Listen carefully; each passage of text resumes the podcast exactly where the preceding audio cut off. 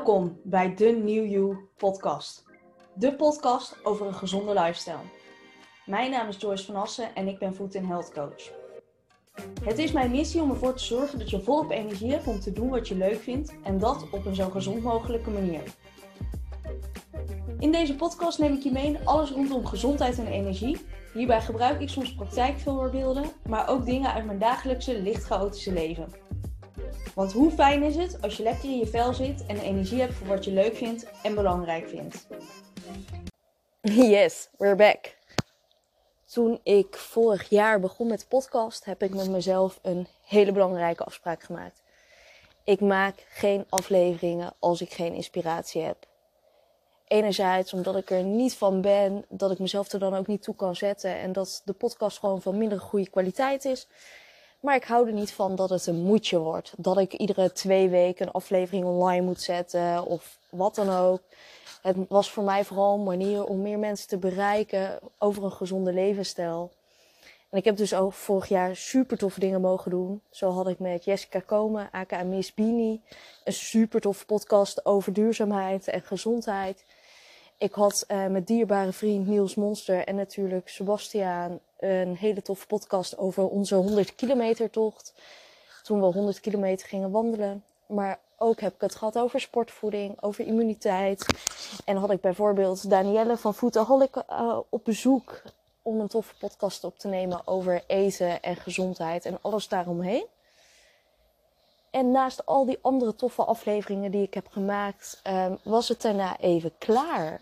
En dat was heel gek, want eigenlijk had ik nog volop inspiratie en toffe onderwerpen. Maar ik had de focus niet. Ik had de focus niet doordat ik allemaal toffe dingen aan het doen was. Um, zo ben ik begonnen met een nieuwe opleiding tot leefstijlcoach, zodat ik dat ook kan toevoegen aan mijn repertoire. Maar uh, ook ben ik heel druk geweest uh, met een super tocht van Sebastiaan.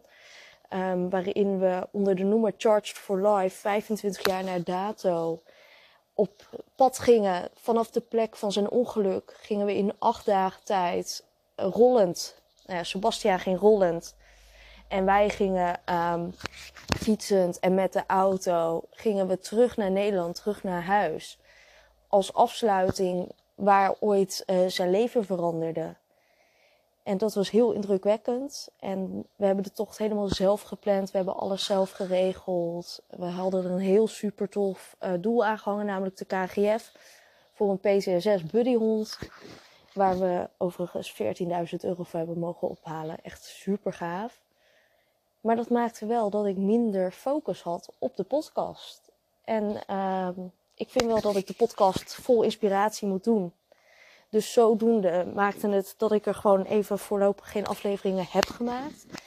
En er gaat nu verandering in komen. Uh, naast dat het super tof is dat Sebas binnenkort weer terugkomt in de podcast.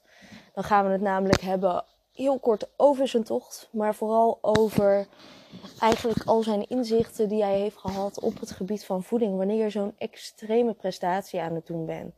Iedere dag tussen de 70 en 80 kilometer rollen dat vraagt enorm veel van je lijf natuurlijk. Denk maar eens dat je iedere dag 70 tot 80 kilometer gaat wandelen.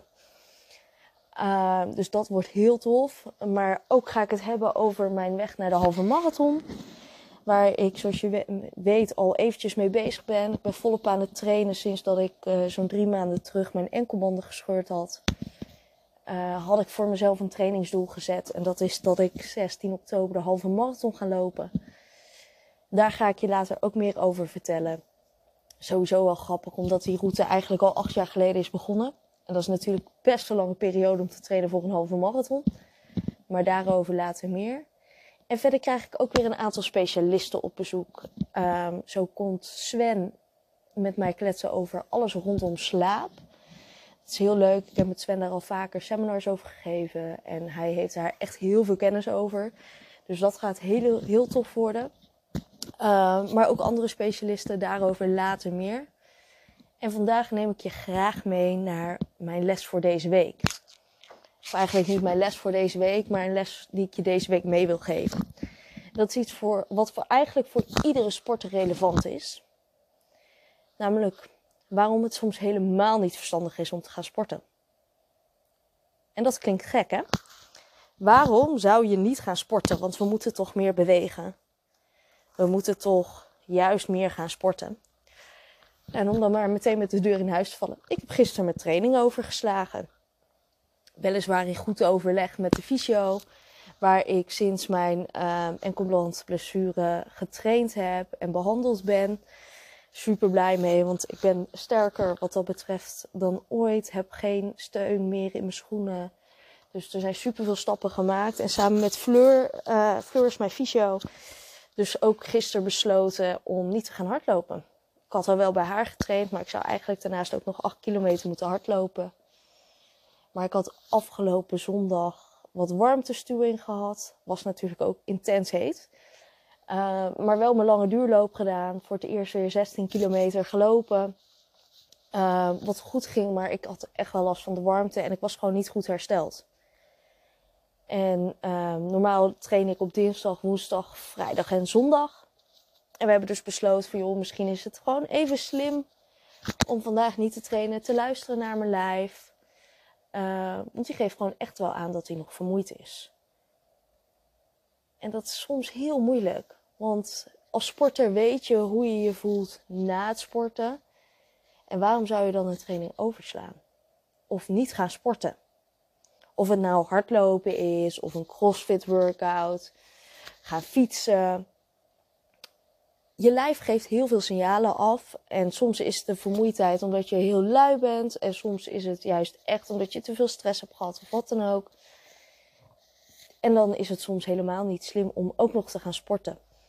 We hebben namelijk een soort grote emmer waarin we al onze stress kunnen doen. Even, begrijp me niet verkeerd, stress hebben we nodig. Stress betekent namelijk prikkels. En prikkels hebben we nodig om in leven te blijven. Dus ze zijn super belangrijk. Alleen een teveel aan stress, wat we in deze westerse wereld met z'n allen vaak wel hebben. Een teveel aan stress heeft nadelige effecten op je immuunsysteem, op je herstel, op je gewicht. Eigenlijk op van alles en nog wat. En uh, wanneer je te veel stress hebt, en dat kan stress van je werk zijn, stress van te weinig slaap, stress van te veel of te weinig eten of ongezond eten. Maar het kan ook trainingsstress zijn. En dat was wat er bij mij duidelijk nog aan de hand was. Ik had, uh, mijn lijf was gewoon nog niet goed genoeg hersteld. En soms kun je dan echt wel een korte training er gewoon tussenin proppen. Um, of aangepast uitvoeren. Maar dat was gewoon niet de bedoeling. Ik moest gisteren gewoon eventjes naast mijn stability training, mijn mobility training, geen kilometers gaan hardlopen. En wat ik je daarmee eigenlijk wil meegeven is, luister goed naar je lijf. Wanneer je lijf echt het signaal aangeeft dat je echt heel moe bent, dan is het slim om daarnaar te gaan luisteren. Ik zie helaas bij ons in de praktijk ook vaak gebeuren dat mensen maar denken te moeten trainen, want sport is gezond. Begrijp me niet verkeerd, is het ook echt. Um, maar dat ik zie dat ze eigenlijk hun lijf niet aan het opbouwen zijn, maar eigenlijk meer aan het afbreken zijn. Doordat het lijf gewoon niet kan herstellen. En ik roep het altijd: rust is je belangrijkste training. Maar dat is dus ook echt zo. Eigenlijk wordt sterker worden. Sterker worden begint pas als je stopt met je training. Dus sterker, fitter, sneller. Dat gebeurt in je rust, in je slaap. Dus het is super belangrijk dat je zorgt dat die goed is. Want dan word je sterker. En wanneer je lijf nooit helemaal meer goed herstelt, dan word je dus ook uiteindelijk niet sterker, word je niet fitter, raak je, zoals in mijn geval, straks geblesseerd vlak voor die halve marathon. En dat is gewoon niet de bedoeling. Dat is iets wat je niet wil. En het is dus goed om te kijken naar, hey, hoe balanceer ik die stress? Uiteindelijk is het um, als werkend persoon, of je nou werkt, studeert of wat dan ook, en daarna sport, traint voor een groot evenement, dan is het bijna nog harder werken dan voor een topsporter. Want een topsporter gaat bijvoorbeeld s ochtends een workout doen, heeft daarna rust, slaapt, eet, masseert, um, doet wat stretches en gaat weer een keer trainen. Maar als wij s ochtends een training doen, gaan we daarna door naar werk. Moeten we misschien nog iets met eventueel kinderen of wat dan ook. ehm, pak je dus eigenlijk je rust niet. Dus onze rust duurt veel langer, waardoor het veel belangrijker is om daar goed naar te luisteren. Want uiteindelijk is sporten super gezond, maar het draait wel om een balans. En soms kan het dus slimmer zijn, zoals bijvoorbeeld in mijn geval gisteren, om niet 8 kilometer te gaan hardlopen, wat er eigenlijk op mijn schema staat. Maar om een lekkere wandeling te maken. En dus wel te genieten uh, van het warme weer, wat het gisteren nog was, en het mooie weer. Uh, maar tegelijkertijd ook wel respect hebben voor je lijf. En dat betekende dus in mijn geval dat ik niet gisteren ben gaan hardlopen, maar dat ik vandaag wel optimaal heb kunnen trainen doordat ik gewoon een dagje langer rust had gepakt. Dus het belangrijkste is, check in bij jezelf. Is het vandaag slim om te gaan lopen? Of ervaar ik stress of wat dan ook? Of lopen of trainen?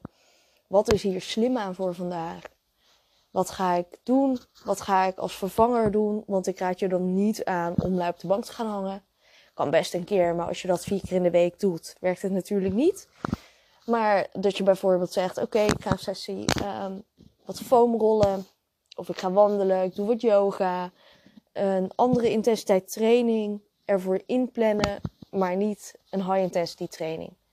Ik noem dat ook wel eens work-ins dat heb ik ooit geleerd van Paul Check. Uh, Paul Check is een Amerikaan die daarin ook heel veel doet. En die zegt, soms is het qua energie gewoon beter om wel te gaan bewegen, maar om niet op de hoge intensiteit te bewegen. En dat is denk ik de belangrijkste les. Dit was voor vandaag weer de eerste podcast. Nieuw seizoen. Er gaan veel leuke dingen komen. En uh, blijf op de hoogte, zou ik zeggen. Fijne dag ontzettend bedankt voor het luisteren van mijn podcast. Je helpt mij enorm bij mijn missie om de wereld een stukje gezonder te maken door mijn podcast te delen terwijl je hem aan het luisteren bent. Misschien weet je wel iemand voor wie het onderwerp van vandaag erg van toepassing is. Mocht je naar aanleiding van deze aflevering nog vragen of opmerkingen hebben, of wil je graag iets anders kwijt, stuur me dan gerust een bericht via Facebook of Instagram. Ik kom graag met je in contact. Ik wens je een hele fijne dag. Tot snel!